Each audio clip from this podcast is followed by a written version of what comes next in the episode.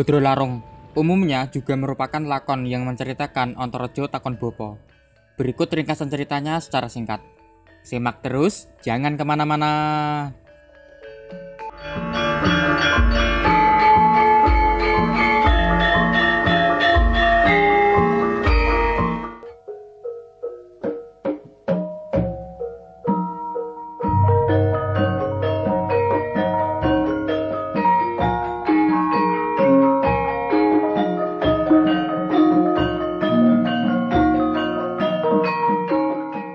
Kisah dimulai pada sebuah pasewakan di Hastinapura. Pertemuan yang dipimpin oleh Prabu Duryudono dan dihadiri para punggawa Hastinapura. Ada Adipati Karno Basuseno, Begawan Durno, Pati Sengkuni, juga beberapa Kurawa, Aryo Drusosono, Durmogati, dan Surtayu. Seperti biasa, pertemuan ini membicarakan mengenai kegagalan demi kegagalan Kurawa dalam usahanya membuat Pandawa celaka. Sebuah pembahasan yang menjadi salah satu menu utama setiap Prabu Duryudono memanggil para punggawa Kurawa dan juga punggawa Hastinapura.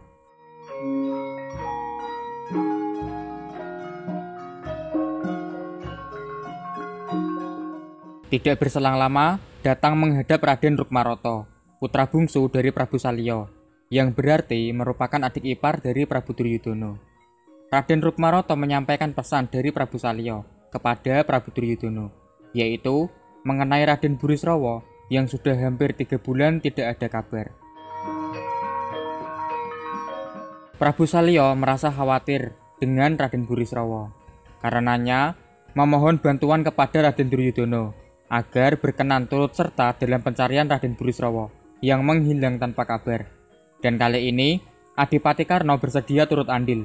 Maka, oleh Prabu Duryudono, Adipati Karno Basuseno ditunjuk untuk memimpin pencarian Raden Burisrawa yang diikuti beberapa Kurawa, adik-adik dari Prabu Duryudono.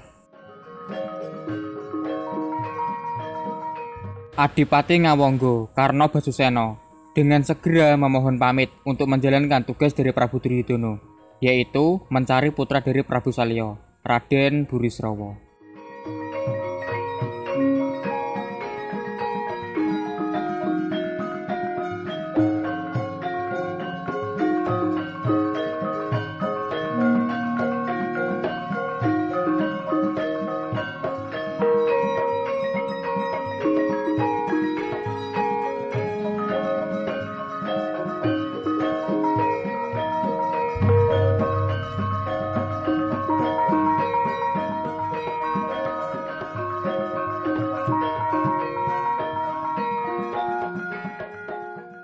Beralih ke kayangan Sabto Praptolo, Ontorojo yang sudah beranjak dewasa menanyakan siapa ayah dari Ontorojo.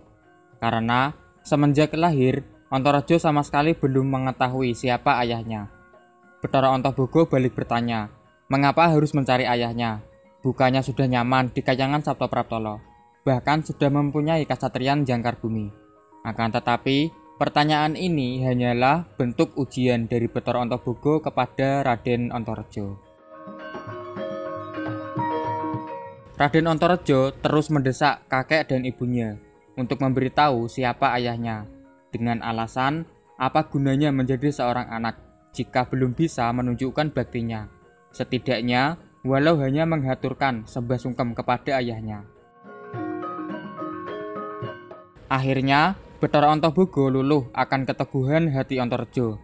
Maka diberitahulah bahwa ayah dari Ontorejo bernama Raden Brotoseno, satria dari Yudipati namun mengabdi untuk kerajaan Ngamarta.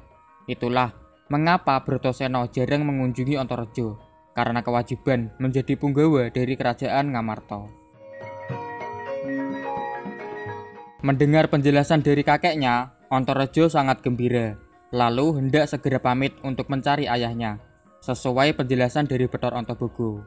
Kemudian, Raden Ontorejo dibekali beberapa ajian dan pusaka. Yang pertama, cincin mustika bumi atau cupu mustika bumi dari Dewi Nogogini. Kedua, pusaka berwujud baju zirah bernama Sisik Napakawoco dari Betoro Ontobogo. Ketiga, ajian Kawas Trawam dari Dewi Superti. Setelah menerima pusaka dan ajian tersebut, Ontorejo segera pamit Lalu, dengan penuh keyakinan dan semangat, memulai perjalanan untuk mencari sang ayah, Raden Brotoseno, Satria Judipati.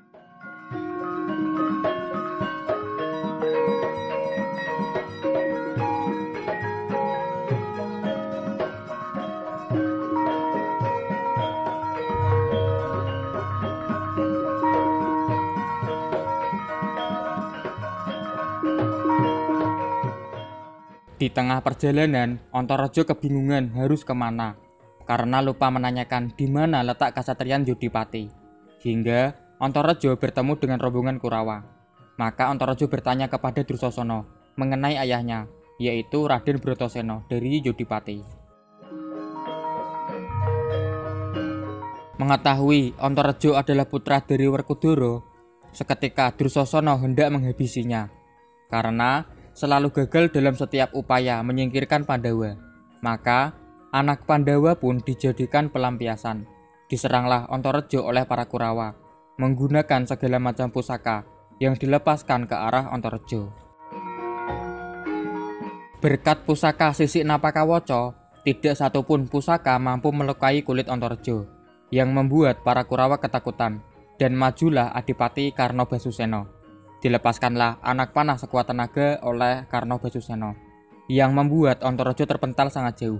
Kemudian, rombongan Hastina melanjutkan perjalanan untuk mencari Raden Burisrawa.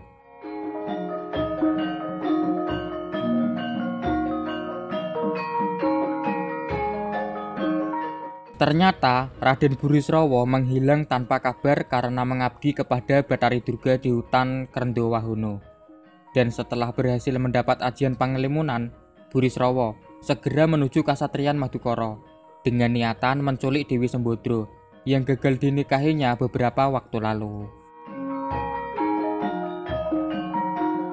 Menggunakan ajian pangelimunan, Burisrawa dengan mudah memasuki Kasatrian Madukoro, lalu menemui Sembodro di Taman Madugondo dengan tujuan merayu Sembodro agar mau diajak Burisrawa. Akan tetapi Sembodro menolak. Maka Burisrawa mengeluarkan keris untuk menakut-nakuti Sembodro. Dan sungguh disayangkan, Sembodro malah sengaja menabrakkan diri hingga gugur seketika. Mendengar ada kegaduhan, Dewi Sri Kandi masuk ke Taman Madugondo yang menemui Sembodro sudah tidak bernyawa. Sementara Burisrawa menggunakan ajian panglimunan kabur dari Kasatrian Madukoro lalu bersembunyi di hutan pinggiran Madukoro, dan masih menyesali akan kematian dari Sembodro.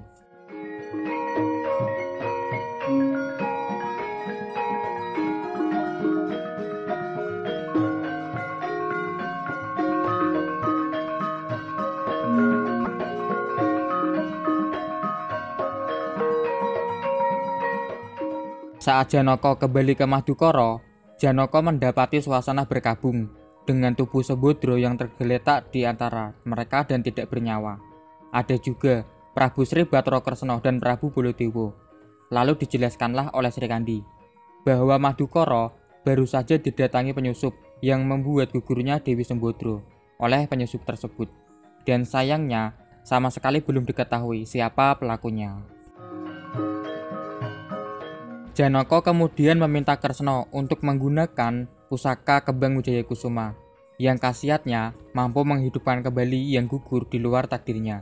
Majulah Kresno untuk mengusap Sembodro menggunakan pusaka kembang Wijaya Kusuma. Akan tetapi, Kresno mempunyai maksud lain dengan berpura-pura gagal, lalu menjelaskan bahwa semalam juga bermimpi akan kematian adiknya tersebut, yaitu setelah gugur, kemudian Sembodro dilarung ke sungai Jamuno. Dimintalah Janoko untuk memenuhi wasiat terakhir Woro Sembodro tersebut. Dengan berat hati, Janoko mencoba ikhlas lalu memapah Sembodro.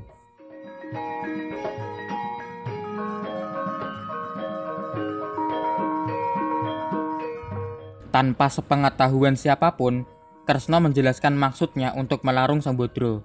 Dan mengenai gagalnya pusaka kebang Wijaya Kusuma, Kresno hanya berpura-pura saja. Kresno ingin mengetahui siapa penyusup yang membunuh Sembodro. Gatot Koco diminta terbang mengawasi perahu yang digunakan untuk melarung Sembodro. Dan setelah pelaku muncul, barulah Sembodro akan dihidupkan kembali oleh Prabu Sri Bathara Kresna.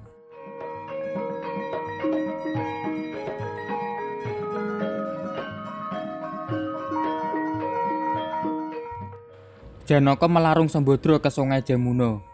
Sementara Gatotkaca terus mengawasi Sembodro dari udara. Hingga Antareja yang terhempas karena pusaka Karna jatuh di perahu tempat Sembodro dilarung. Melihat ada mayat, hati Antareja tergerak untuk mencoba khasiat cincin mustika bumi. Dan ternyata Sembodro hidup kembali karena terkena daya dari cincin mustika bumi.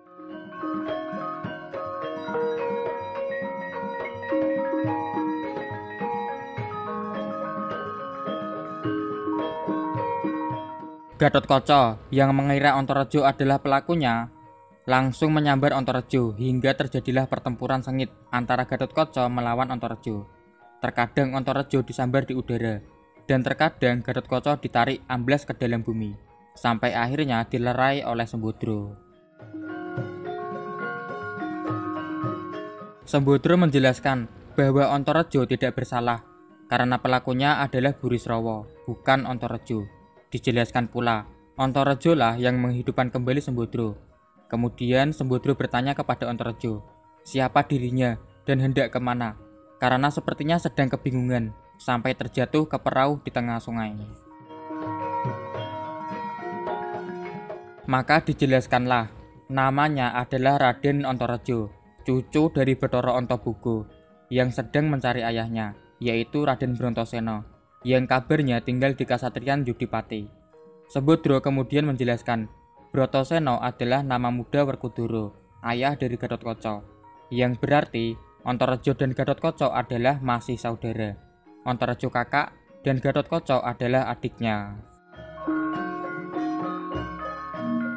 Kemudian muncul gagasan dari Antarejo untuk menangkap pelaku pembunuh yaitu Burisrawa. Dengan menggunakan Aji Kawastrawam, Antarejo menyamar menjadi Sembodro, lalu berniat memancing Burisrawa keluar dari persembunyiannya.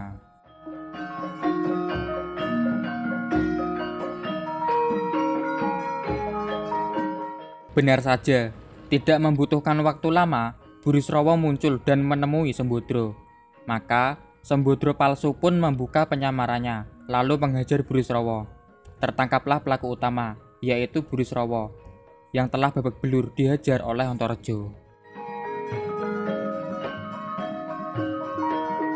Tidak lama berselang, datang menyusul Janaka, Kresna, Bolodewo, dan Werkudara. Betapa terkejut mereka, bercampur bahagia, mengetahui Sembodro sudah hidup kembali. Kemudian Sembodro memperkenalkan Antarejo adalah putra dari Werkudara. Werkudara berdiri paling belakang, dengan tubuh paling tinggi dan gagah.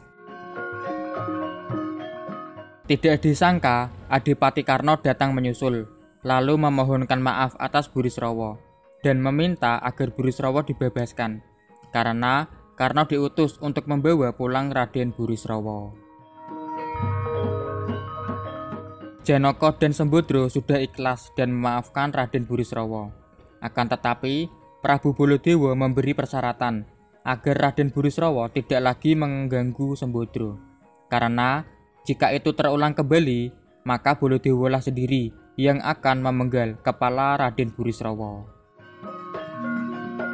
Burisrawa setuju dan bersama Karno kembali ke Kasatrian Madyapura. Akan tetapi terdengar suara gemuruh pasukan Kurawa yang hendak menyerang. Maka Werkudara meminta Antarejo untuk memukul mundur para Kurawa. Dengan tanggap Antarejo pun melaksanakan perintah dari Werkudara.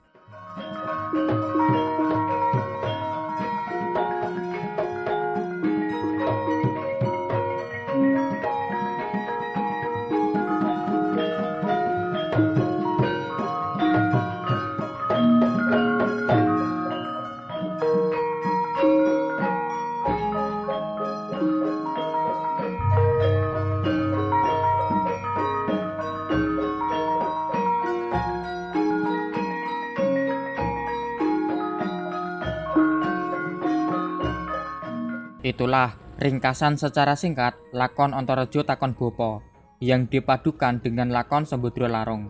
Silahkan komentar mengenai video ini. Ayo subscribe agar bersama, mari ikut melestarikan kesenian pewayangan Jawa. dengan berbagi wawasan seputar pewayangan Jawa. Hanya sederhana dan ala kadarnya. Mohon maaf karena pasti banyak kekurangan. Semoga terhibur dan semoga bermanfaat. Terima kasih telah menyimak dan tidak ke mana-mana. Sampai jumpa lagi.